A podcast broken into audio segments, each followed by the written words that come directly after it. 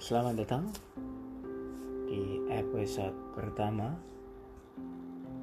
instrumental. Oke, uh, sekarang jam menunjukkan pukul 1.48 pagi. Uh, dua jam lagi menuju waktu sahur. Hari ini enaknya kita bahas apa ya kira-kira? kita bahas masa sekolah.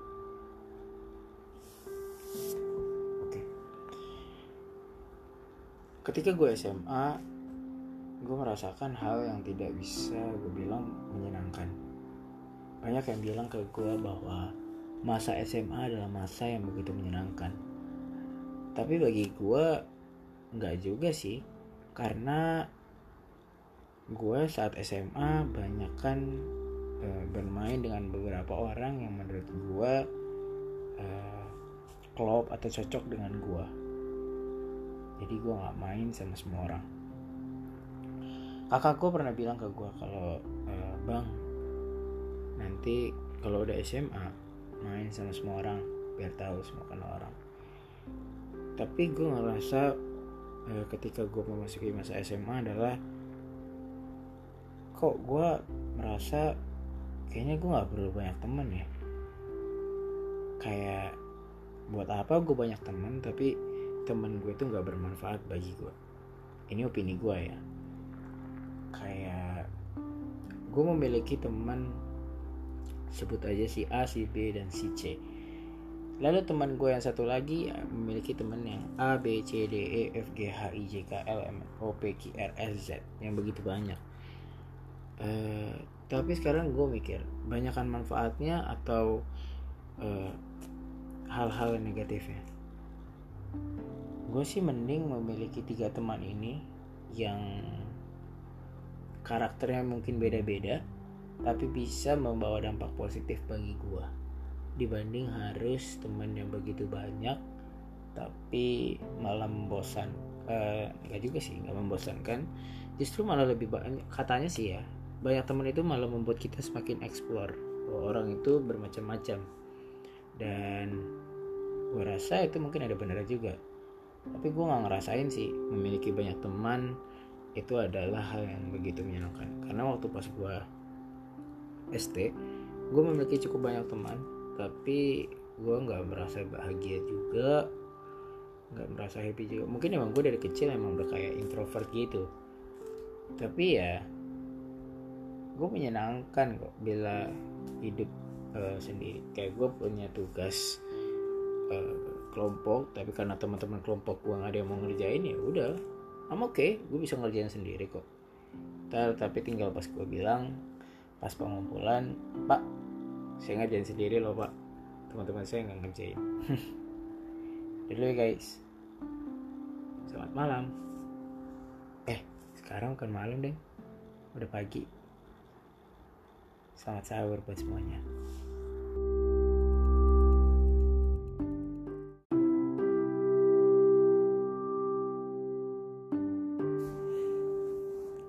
Halo, selamat malam semua. Apa kabar nih? Hmm, sekarang udah puasa hari ke-18. Berarti bisa dihitung dalam 12 hari lagi ya puasa akan selesai cepet banget ya rasanya baru kemarin kita puasa mungkin ini semua terasa cepat karena wabah virus makanya kita merasa jadi begitu cepat oke okay. uh, eh, hari ini kita enaknya bahas apa ya hmm, gue mau sharing aja deh gue tuh dulu sering kali kesel banget kalau misalnya dibanding-bandingin sama anak lain. Gue nggak tahu kenapa dulu itu gue tuh sering banget dibanding-bandingin sama bokap gue. Kayak, e, bang, anak itu dia rajin loh bang, dia nilainya bagus terus loh bang, dia begini, dia begitu, dia begitu. Gue emosi dong, ya sewajarnya anak gue merasa kenapa bokap gue selalu mementingkan orang lain? Dalam arti bokap gue tuh selalu memuji anak orang lain sedangkan dia tidak melihat anaknya juga udah berusaha keras untuk mencapai ya prestasi. Sampai uh, bahkan ya gue mikir kayak kenapa gitu ya? Orang tua itu sering kali membandingkan para anaknya padahal anak itu sudah berusaha semaksimal mungkin dan sekeras mungkin. Tapi terkadang emang ada beberapa anak juga yang harus digituin untuk memacu uh, apa ya semangat dalam belajar? Kalau gue sih enggak ya orangnya kayak gitu. Gue malah paling risih kalau misalnya dibanding bandingin gitu. Gue punya sepupu yang hampir seumuran sama gue uh, dia ini udah hebat banget lah dalam arti dia sering ikut lomba sering juara kompetisi antar Indonesia bahkan uh, tingkat Asia mungkin ya. Uh, terus gue sering dibanding bandingin banget. Ketika gue SMA gue merasa wah gue bakal dibanding bandingin lagi nih sama nih anak. Ya karena dia bener-bener apa ya cerdas lah. Dan terus ketika gue masuk kelas 10 uh, dia ternyata saudara gue nih sepupu gue ini ambil Axel. Atau kelas loncat kelas gitulah dia lang uh, jadi dia uh, lebih cepat satu tahun dari gue jadi sekarang dia udah lulus SMA bahkan. Saat ini kan gue kelas 2 SMA awalnya tuh gue bener-bener uh, agak jengkel sih jujur aja. Karena dia kenapa sih dia harus loncat kelas? Kenapa sih harus dia ngeduluin gue kayak gue nanti itu dalam pikiran gue oh bokap gue pasti banding bandingin gue lagi nih sama sepupu gue ini. Dan gue merasa loh ini mengganggu banget sih. Tapi uh, gue nggak tahu ya ketika gue masa SMA gue tuh banyak berubah. Dalam arti dari cara gue berpikir cara gue pola belajar cara menyikapi gue dalam masalah itu gue berubah. Gue gak nyangka ya gue uh, hanya rajin uh, rajin belajar. Gue nggak tahu kenapa tiba-tiba bisa tiga besar di kelas. Padahal uh, gue itu di SMP bener-bener bahkan gue dulu SMP itu uh, homeschooling itu muridnya aja cuma 7 dan sedangkan gue itu ada di ranking 5 bahkan kayaknya. Dari antara tujuh orang itu gue lima. Lima ya lima. Iya sih. Itu memalukan. Ya kadang gue anaknya pemalas gak mau belajar kerjanya main doang sekolah aja cuman seminggu tiga kali. Ya itu masa-masa di mana gue bener gak mau belajar. Ketika gue SMA gue nggak ada terpacu sih sama sekali. Kayak uh, eh, gue ngeliat si A rajin si B rajin oh gue harus rajin. Enggak sih. Tapi gue lebih ke gue pengen lebih berusaha aja gitu karena pas itu gue gue mengikuti alur dalam arti gue belajar dengan giat nggak juga sih tapi ya rajin terkadang ya orang rajin itu bisa mengalahkan orang pintar Kenapa gue bilang gitu? Karena orang pintar juga belum tentu rajin. Sedangkan orang rajin sudah pasti pintar. Itu menurut gue sih. Karena gue kalau gue bilang gue pintar nggak juga sih. Gue dalam matematika lemah. Hmm, bahasa Inggris juga lemah. Bahasa Arab juga. gue tuh ya lebih senang pelajaran yang kayak sejarah PKN nah, gue, gue suka tuh sama pelajaran kayak gitu dan sorry nih jadi ke mana-mana ceritanya gue mau balik cerita ke soal tadi lagi uh, terus gimana ketika uh, lo udah bisa dapet ranking tiga besar di kelas? Gue rasanya ketika dapat berita itu gue rasanya kaget ya. Ini kok bisa gue tiga besar? Padahal ya gue tuh kelas 10 aja termasuk jarang sekolah. Kenapa ya? Gue mau jelasin dulu nih. Gue jarang sekolah karena gue sering ke rumah sakit gue punya penyakit. Jadi gue harus kontrol ke rumah sakit harus uh, beginilah begitulah harus cek kesehatan ke rumah sakit. Sehingga gue sering sekali nggak masuk sekolah. Dan itu pen itu adalah penyebab gue nggak masuk SMA negeri. Karena gue ambil SMA swasta. Lalu uh, sepupu gue ini ya prestasinya semakin banyak di kelas SMA dan gue juga ya gue merasa bangga lah karena gue ada prestasi juga. Walau ya tidak sebanding lah sama dia.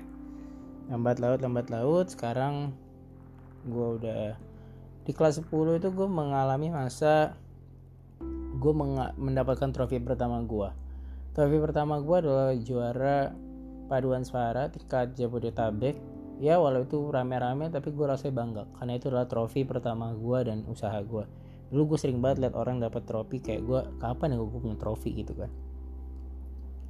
Lalu gue di kelas 10 juga gue juara uh, eh, FL2SN uh, short movie tingkat Jakarta Utara. Oh itu gue rasanya bahagia banget ya seneng banget. Karena gue uh, di situ uh, berperan sebagai pemain utama dan penulis cerita juga. Dan gue sangat seneng saat itu sayangnya kita pas uh, lanjut ketika DKI kita uh, tersingkir. Jadi nggak lolos. Lalu kita ngomong balik lagi ke topik tadi. Uh, sekarang gue kelas 11 di mana sekarang gue bentar lagi mungkin akan pas benar air semester.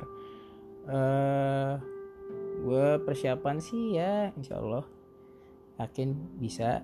Uh, tapi uh, kendalanya adalah gue lebih mengharapkan untuk ujian itu di rumah. Kenapa? Kita nggak tahu ya wabah ini apakah benar 100% akan hilang. Pemerintah telah membuat kajian bahwa tanggal 15 Juni uh, itu sekolah akan kembali dibuka. Yang di mana kalau menurut gue lebih baik sekolah itu uh, maksud gue dalam arti lebih baik kita tuh udah bener siap 100% untuk menghadapi ini. Kasus ini ya jangan setengah-setengah gitu. Jadi jangan sampai nanti ketika anak para siswa sudah kembali sekolah taunya virus itu masih ada gimana? Kan kita nggak mau hal buruk terjadi kepada anak-anak sekolah dan gue lebih menyarankan untuk lebih baik emang jika benar dan kita harapkan bersama uh, wabah ini hilang di bulan Juni. Lebih baik kita meyakini dulu bahwa ini adalah hal yang benar dan tidak salah. Dan kita kembali masuk di bulan Juli saja. Jadi di bulan Juni itu kita melakukan recovery dan persiapan dan antisipasi untuk hal-hal yang tidak diinginkan terjadi kembali. Apalagi soal dampak wabah ini. Hmm, dan soal balik lagi, ini gue jadi gak fokus ya ngomongnya ke mana-mana. Padahal gue mau ngomongin soal perbandingan, ya persaingan perbandingan. Hmm, gue lanjut lagi. Pas pengumuman SNPTN itu sebuah buku tadi yang gue ceritain itu keterima di ITB otomatis itu makin justru malah bikin gue mentalnya down. Teman gue malah ngatain gue lo kan pinter kenapa lo harus down? Harusnya lo jadiin motivasi dong. Entah ya kenapa gue malah merasa down dan merasa duh ekspektasi orang atau keluarga bakal lebih besar. Karena dia udah masuk ITB apalagi ya ada sepupu gue tiba-tiba WA gue cuma ngomong bilang abang uh, aku tunggu info keterima di SNMPTN UI ya tahun depan. Itu rasanya udah kayak deep banget sih. Bener-bener duh bener-bener kayak ya gimana ya kayak uh, oke okay, let's see. Gue cuma jawab gitu doang karena kan gue nggak bisa menjamin. Sedangkan gue masih ada semester semester ini aja belum selesai gue masih ada sisa dua semester lagi dan gue sih pengennya harapan gue adalah orang tua di Indonesia itu lebih menghargai anak dan jangan dibandingkan dengan anak-anak lain. Kenapa? Karena anak-anak di Indonesia itu ya khususnya hampir ya jangan khusus anak Indonesia lah anak-anak deh. Anak-anak itu memiliki kelebihan dan kekurangan masing-masing. Mungkin saat ini kita melihat uh, anak tersebut dia ah, dia pemalas dia ini dia ini. Kita nggak tahu mungkin bakat dia main musik bakat dia main teater menggambar ya apa pun itu. Jadi please deh buat orang tua yang masih banding-bandingin anak itu jangan deh. Kalau anak kita belum bisa menunjukkan kemampuan atau prestasinya mungkin belum saatnya saja waktunya belum pas akan ada tiba saatnya anak-anak itu akan berkembang menjadi dirinya sendiri dan mengetahui apa yang ingin di apa yang ia inginkan jadi jangan deh orang tua tuh banding-bandingin paksa anaknya ini Anak-anak itu hanya butuh kebebasan dalam memilih asal dalam kata lain terlindungi ya. Jangan juga sampai kebablasan. Tetap orang tua melindungi anaknya, tetap meng mengawasi tapi tidak memperketat juga dan jangan membanding-bandingin. Karena kadang anak itu merasa down mentalnya, merasa sedih, kecewa. Itu karena orang tua yang sering membandingkan anak-anaknya. Kayaknya udah dulu ya, udah malam nih. Sampai ketemu nanti.